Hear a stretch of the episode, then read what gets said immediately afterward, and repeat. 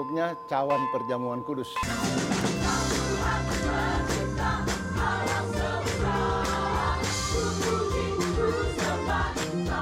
Ini Tuhan taruh di hati saya itu bahwa di paduan suara itu jangan hanya sekedar bernyanyi. Tapi setiap nyanyian yang diangkat, setiap nyanyian yang dinyanyikan itu betul-betul kita tujukan buat Tuhan, buat kemuliaan Tuhan dan bertujuan untuk menyenangkan hati Tuhan.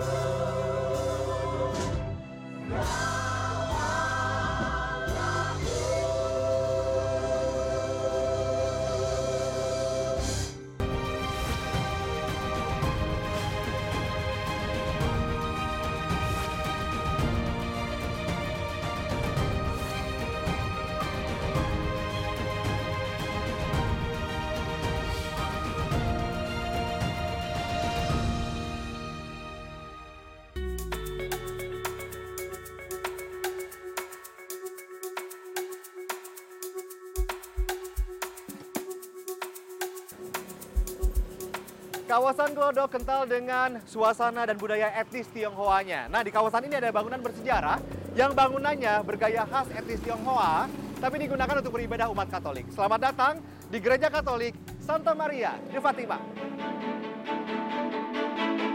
Memiliki arsitektur khas negeri bambu, gereja ini tampak seperti kelenteng. Bangunannya masih mempertahankan ornamen khas Tionghoa. Sepasang patung singa hingga warna merah dan emas yang dominan pada pintu serta jendela.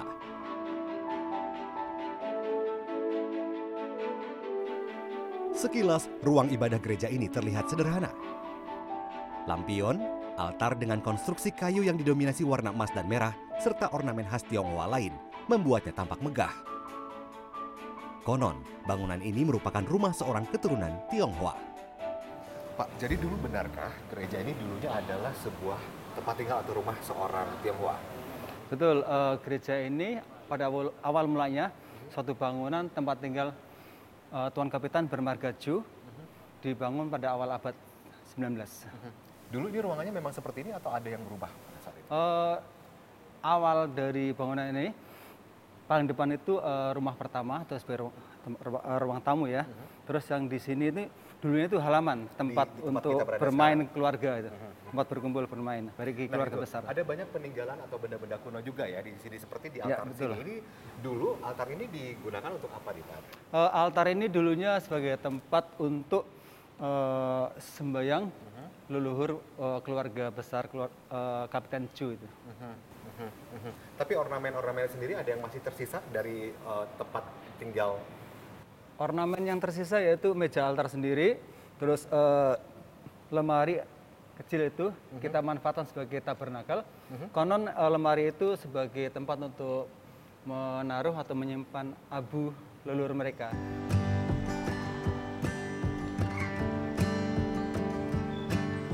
Di halaman gereja terdapat Bukit Maria de Fatima yang dibangun pada tahun 1991. Bukit ini digunakan umat untuk memanjatkan doa. Nama Fatima sendiri itu mengambil nama dari Fatima itu kota kecil di daerah Portugal. Nah, dan kita di sini sebutnya Bukit Maria de Fatima karena eh, gereja sendiri menga- mengambil pelindungnya Maria de Fatima yaitu eh, Bunda Maria menampakkan diri di Fatima di kota kecil di Portugal kepada tiga anak gembala, Jacinta, Lucia, sama Francisco.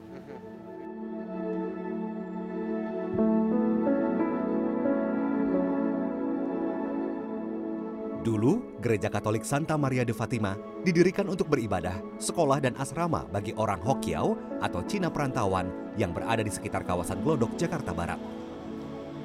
Kini, gereja ini menjadi tempat ibadah bagi umat Katolik yang 95% umatnya adalah etnis Tionghoa. Syarat sejarah, gereja ini ditetapkan menjadi cagar budaya oleh Pemprov DKI Jakarta pada 1993.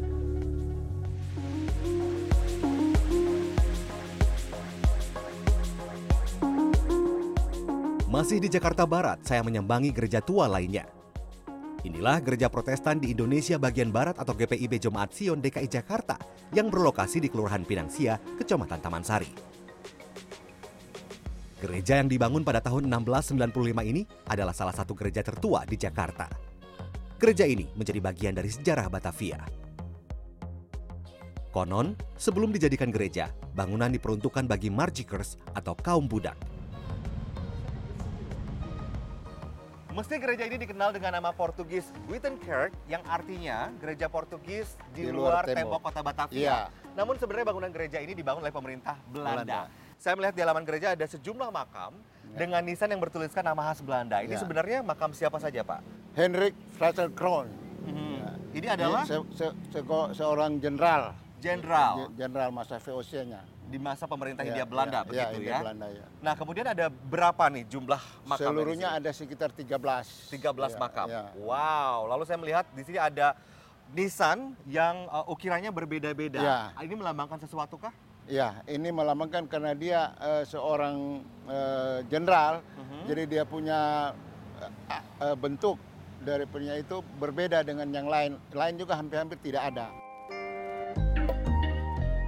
Ruang ibadah gereja ini bergaya klasik. Terdapat deretan kursi yang diperuntukkan bagi para diaken atau pelayan gereja dan penatua gereja yang ada sejak abad 17. Begitupun empat lampu berwarna emas yang tergantung indah. Meski tua, gereja ini terbilang megah bagi saya. Mata saya pun langsung tertuju pada altar berbentuk mahkota raja. Ada pula mimbar yang memberi kesan mewah. Bentuk dari mimbar ini unik sekali. Ini sebenarnya bentuk apa nih, Pak? Bentuknya cawan perjamuan kudus. Oke, ini bentuknya seperti cawan perjamuan kudus. Kemudian ini tingginya sekitar berapa?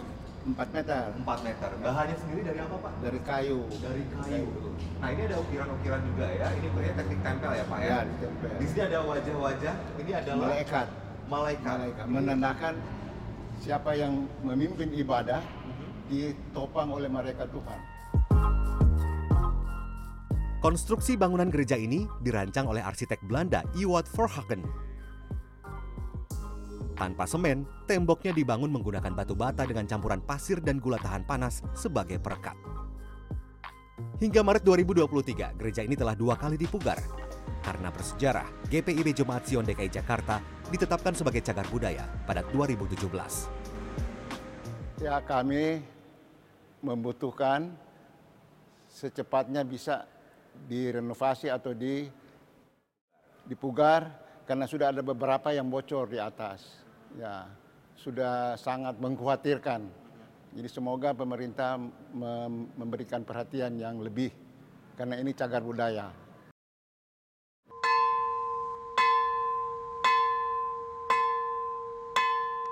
Lonceng berbunyi. Pertanda ibadah dimulai. Sekitar 230 keluarga terdaftar sebagai jemaat di gereja ini. Diiringi organ, Kidung Agung pun menggema. Pada minggu tertentu, nyanyian jemaat biasanya diiringi organ pipa atau orgel. Eksistensinya semakin menambah kemegahan gereja ini.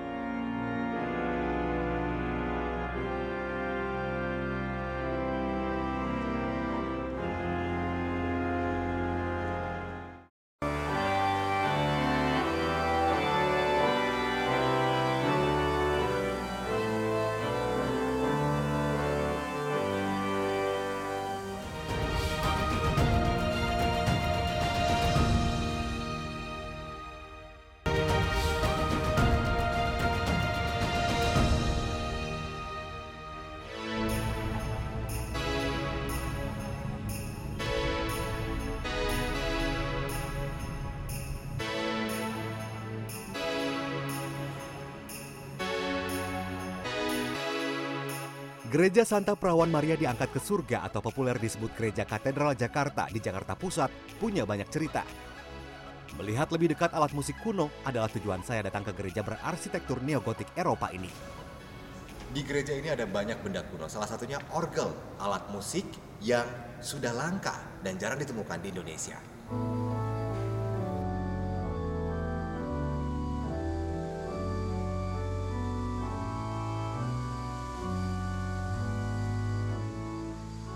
Orgel merupakan alat musik kuno serupa organ, namun menggunakan pipa untuk menghasilkan bunyi.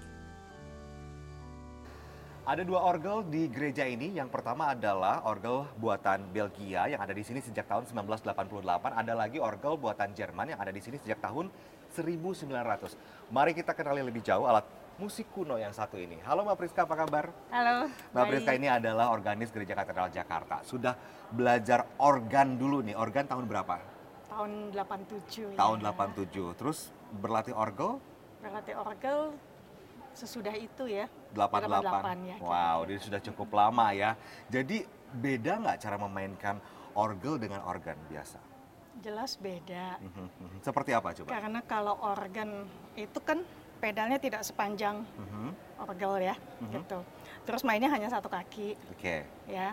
Sedangkan terus eh, tangannya biasanya kalau organ kanan di atas, yang ini kiri di bawah, jadi Mhm, kayak mhm. melodi on chord gitu. ya. Sedangkan kalau orgel kita bisa main di bawah atau di atas atau bisa juga selang-seling, Ya. tergantung kebutuhan suara yang diinginkan. Wow. Dan kaki kita dua-duanya jalan. Orgel ini beroperasi dengan menggunakan mesin kompresor. Orgel dimainkan dengan menarik penyambung pipa dan memilih bunyi alat musik yang dikehendaki. Kemudian jari tangan menekan tuts, sementara kaki menekan pedal di bawahnya. Sebuah orgel bisa mengeluarkan berbagai bunyi alat musik. Seperti ini nih. Ini adalah bunyi alat musik flute. Seperti itu ya. Kemudian ada alat musik apa lagi nih bunyinya? Ada trompet. Trompet seperti apa? Oke, ditarik kemudian. kemudian ada alat musik apa lagi? Yang di bawah mau dicoba. Coba. Ini udah di mix. Ini apa? Ya itu sudah digabung ya beberapa bu- beberapa musik ya. instrumen. Wow, Iya. keren ya. Saya penasaran nih kalau mengiringi musik atau lagu saat misa, satu lagu ini dalam satu lagu bisa dikombinasikan beberapa bunyi alat musik? bisa. Wow, Oh, boleh kasih contoh mainkan satu Boleh. lagu ya? Satu lagu aja ya. Yes.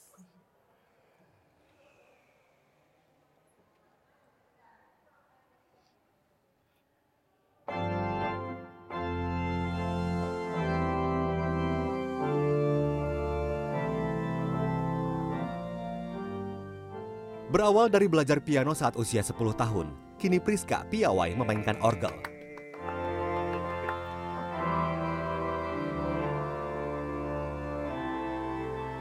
Orgel itu ada tiga jenis ya. Yang satu mekanik, kemudian pneumatik, dan yang ketiga elektronik. Karena terus terang saya jatuh cinta dengan bunyinya. Meskipun nggak bisa beli, nggak nggak mungkin ya di rumah punya yang gini gede ya. Tapi saya jatuh cinta dengan bunyinya dan memang orgel pipa ini adalah instrumen yang dijunjung tinggi untuk gereja Katolik.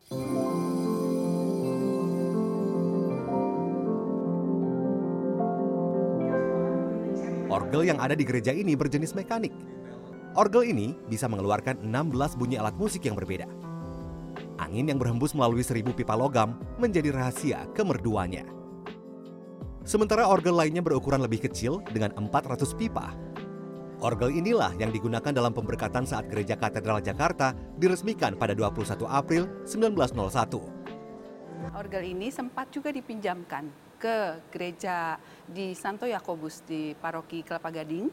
Nah, kemudian eh, sekitar tahun 2010-an itu dikembalikan ke sini dan kemudian kami set up dan eh, dipasang kembali seperti ini. Dipat mengalami masalah setelah pemindahan lalu mau dipasang kembali dan itu memang cukup eh, apa tantangannya besar. Namun eh, kita bisa untuk eh, melakukannya kembali.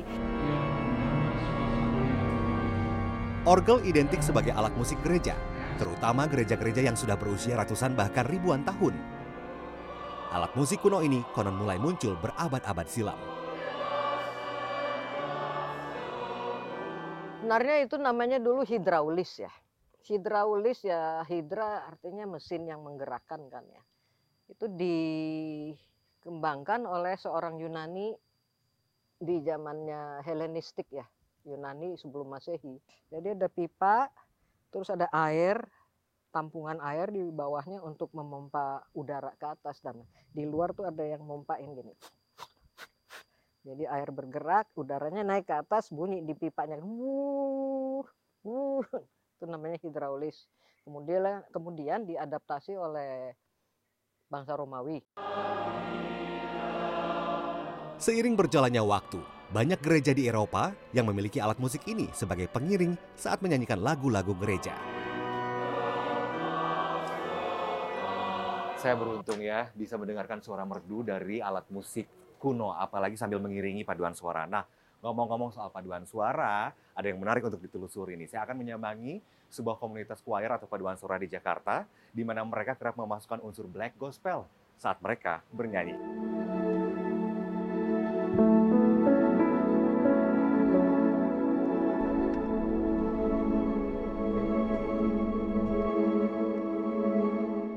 Perkenalkan, teman lama saya, Michael Hutagalung. Apa kabar Bang? Baik, Victor apa kabar? Baik sekali. Ini mau latihan? Iya, ini kan hari Senin, Hmm. hari latihan rutinnya JTC. Boleh ikutan? Harus ikutan. Oke, kita ke mana nih? Ke atas. Ke atas lewat sini ya? Oke.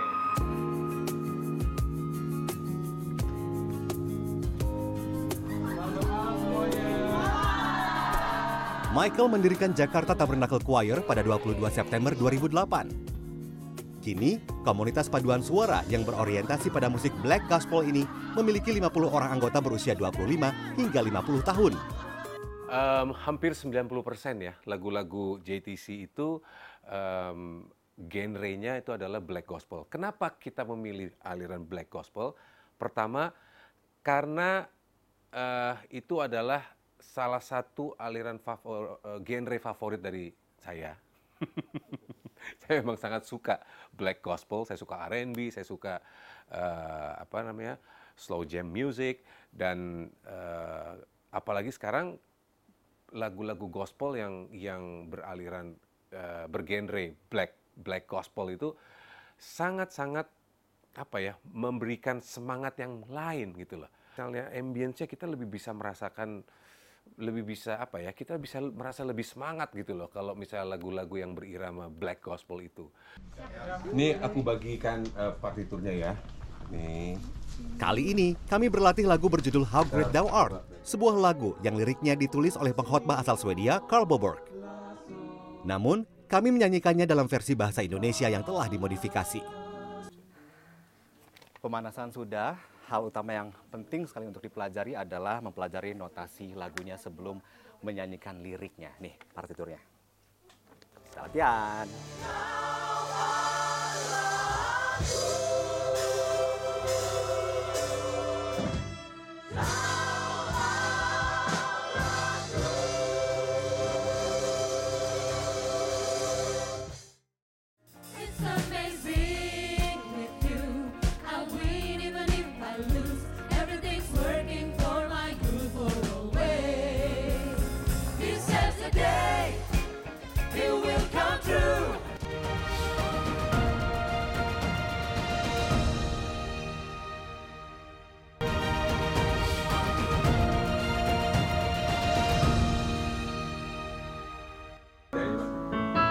La la la la la la la la la la la naik setengah setengah. One two three four. La la la la la. La la la la la la la la la la.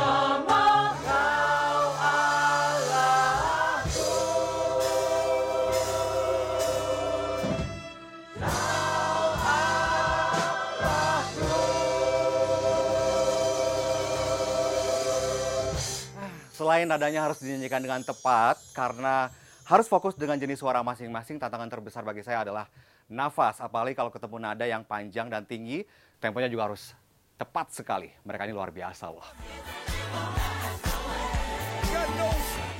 Black Gospel merupakan musik yang dikembangkan oleh orang Afrika Amerika. Karenanya, genre musik ini juga dinamakan African American Gospel Music. Berbeda dengan musik gospel pada umumnya, Black Gospel memiliki ciri khas. Sebenarnya simpel saja sih caranya mereka bernyanyi. Kalau bahasa santainya cengkone. Jadi ada cengkone ya. Ye, gitu. Dan itu memang udah ciri khas daripada gaya mereka bernyanyi. Satu lagi mereka menghitung tidak tuh wa ke pat tuh mereka menghitung ah, ah, ah, ah, di dua empat. Ya kita ambil aja contoh yang banyak orang kenal lagu Oh Happy Day. Kalau European American, Caucasian nyanyi Oh Happy Day, kalau tidak bisa meniru atau mengikuti gayanya African American pasti nyanyi Oh Happy Day when Jesus wash, when Jesus wash, jadi agak rata gitu. Terus kalau African American nyanyi kan Oh Happy Day when Jesus wash, He washed my sins away. Ah, ah, ah. Eh, itu ada cengkonek bluesinya itu tuh.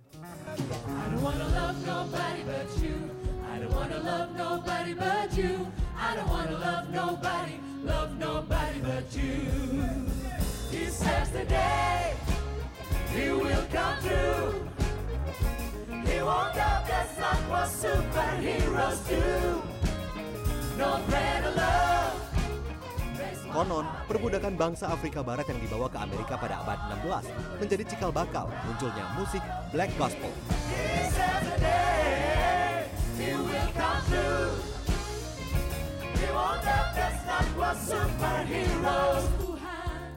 Tahun 1945 hingga 1960 adalah masa keemasan musik gospel. Artis Black Gospel bermunculan, salah satunya Mahalia Jackson. Di tahun-tahun berikutnya, genre musik Black Gospel semakin berkembang hingga bermunculan genre baru seperti Urban Gospel hingga Christian Rap.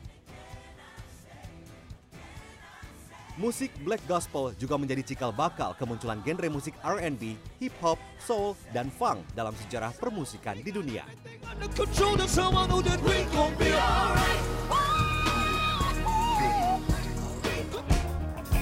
All I wanna do is make you proud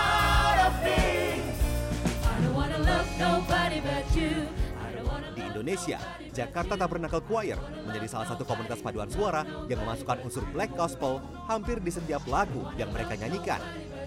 Termasuk lagu-lagu ciptaan para anggotanya. love nobody, love nobody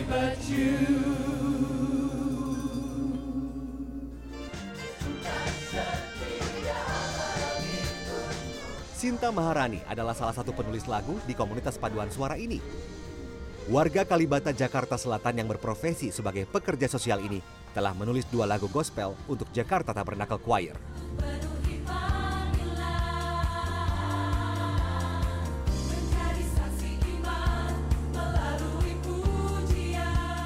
Salah satunya berjudul Segala Kemuliaan yang ditulisnya pada tahun 2013.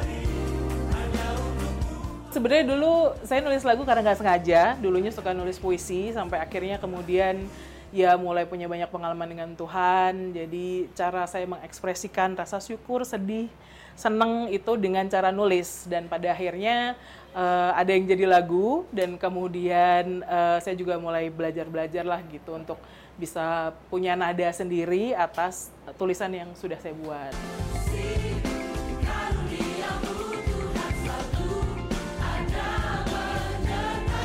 Hingga Maret 2023, Jakarta Tabernacle Choir telah merilis satu album. Dalam album Grace yang diproduksi tahun 2014, ada beberapa lagu ciptaan anggotanya. Di antaranya Kasih Karunia. karunia sulit dimengerti oleh dunia. Ini Tuhan taruh di hati saya itu bahwa di paduan suara itu jangan hanya sekedar bernyanyi, tapi setiap nyanyian yang diangkat, setiap nyanyian yang dinyanyikan itu betul-betul kita tujukan buat Tuhan, buat kemuliaan Tuhan dan bertujuan untuk menyenangkan hati Tuhan. Alat musik seperti organ, drum, gitar, bass, dan saksofon kerap digunakan untuk mengiringi lagu. Bukan hal mudah memainkan musik black gospel.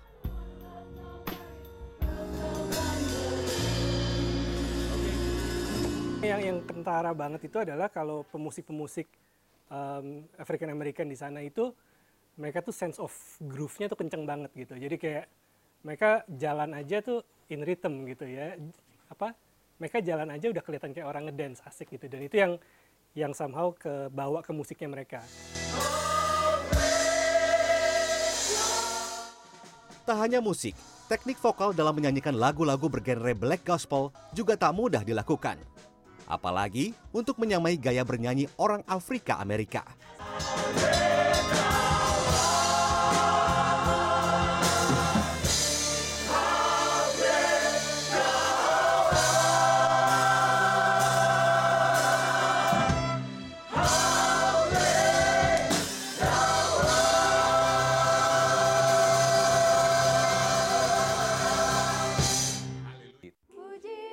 Eksistensi Jakarta Tabernacle Choir sebagai komunitas paduan suara yang berorientasi pada musik black gospel tak lepas dari peran para anggotanya yang setia berlatih. Mereka aktif melakukan pelayanan dengan menyanyikan lagu-lagu rohani.